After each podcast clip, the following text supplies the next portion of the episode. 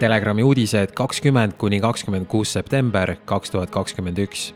eelmine nädal oli suuresti Eesti arvamusliidrite kapist väljatuleku nädal otsa tegi lahti arst Meeme Mõttus, kes avaldas oma Facebooki lehel avaliku pöördumise SARS-CoV-2 vaktsineerimise asjaolude osas ta kutsus meie elu üle otsustajaid üles avalikustama nii teadusnõukoja koosolekute protokollid kui ka vaktsiinitootjatega sõlmitud lepingud. avalikustamisest keeldumist pean halvaks, teaduslikuks tavaks ning loen, et teil on, mida varjata ja salastada. see aga ei ole teadusele omane ja seab teid väga halba valgusesse ning teie poolt kasutatud materjalid ebausaldusväärseteks ning vastu võetud otsuseid valeks, kirjutas Mõttus päev hiljem paiskus meediaruumi Eesti ettevõtjate, kirjanike, arstide ja teiste avalik pöördumine. piiramised piiramise pärast on lubamatud.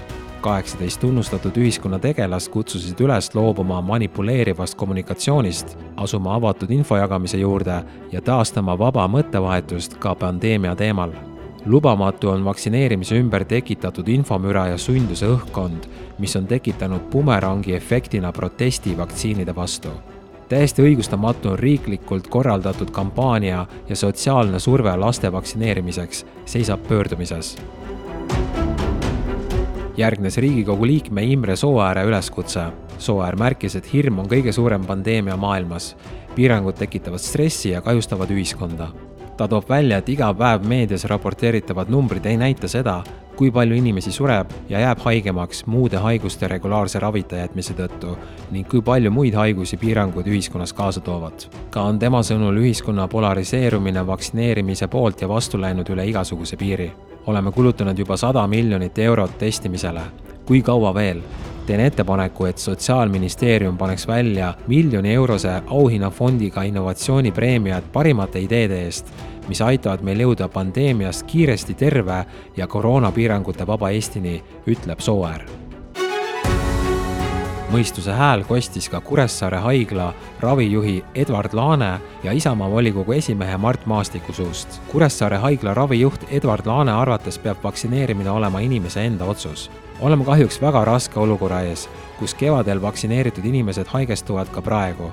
samas inimesed, kes on läbi põdenud, on immuunsed, kirjutas Laane Saarte Hääles. lööklausetega peale surutud vaktsineerimine viirust ära ei vii, sõnas ta Isamaa volikogu esimees Mart Maastik aga kutsus Päevalehes üles lõpetama Põhjamaade eeskujul kõik koroonapiirangud, tuues eraldi välja Norra, kellel on jõudnud kohale, et koroona on gripiga võrdväärne. tema sõnul on selleks kolm põhjust. esiteks, haiglaravi vajavate inimeste arv pole plahvatuslikult kasvanud ning seega pole vaja ka laste massvaktsineerimist. teiseks vaktsineeritud inimesed levitavad samamoodi viirust, aga kuna neil lubatakse ka kohvikusse ja teatrisse, siis tegelikkuses on nemad veel suuremad levitajad kui vaktsineerimata rahvas.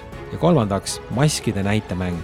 linnapildis on näha, et rahvas kannab korduvalt kasutatud ja määrdunud maske ning sedagi ainult pooleldi hingamisteid kattes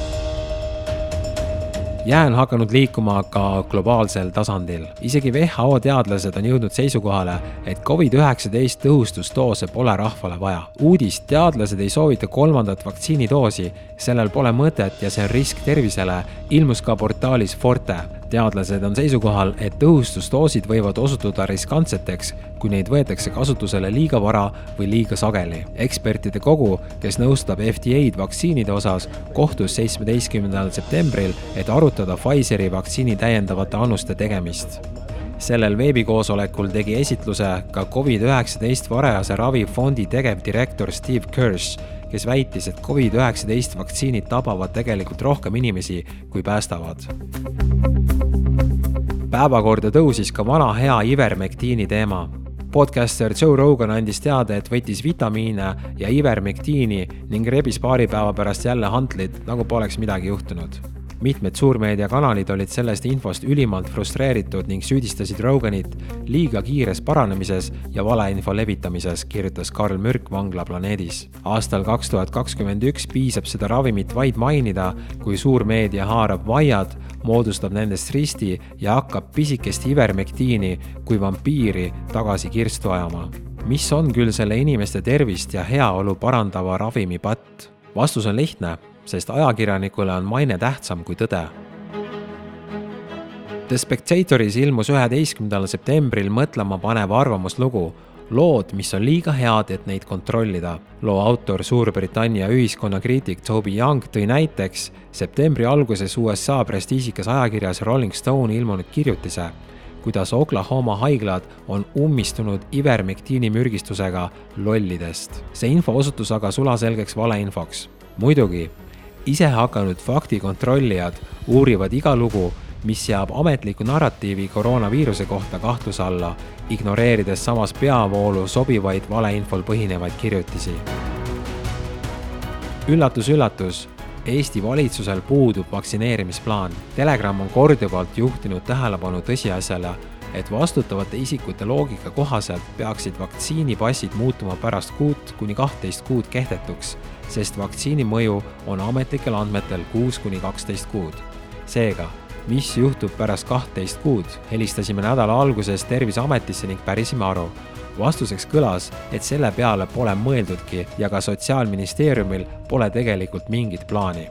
tekib küsimus, millised inimesed on meil Eestis vastutavatel ametikohtadel. Sellised, kellel pole plaani, kuid kes ahistavad meid hommikust õhtuni koroonahirmuga, röövivad meilt põhiõigused ja takistavad meid ja meie lapsi elamast normaalset elu.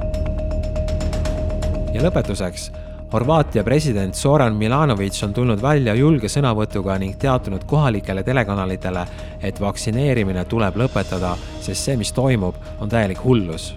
Milanovici, kes on ka ise vaktsineeritud, hinnangul pole vaktsineerimisplaani eesmärgiks viiruse täielik hävitamine, vaid midagi muud. riigipea tunnistab, et läks algul selle koroonajamaga kaasa, aga hetkel on toimumas paanika külvamine ja täielik nonsense ja svaki dan, dakle, počnem dan sa CNN-om i tih par kanala, da se pitam ono, jesam li ja normalan ili su oni poludjeli.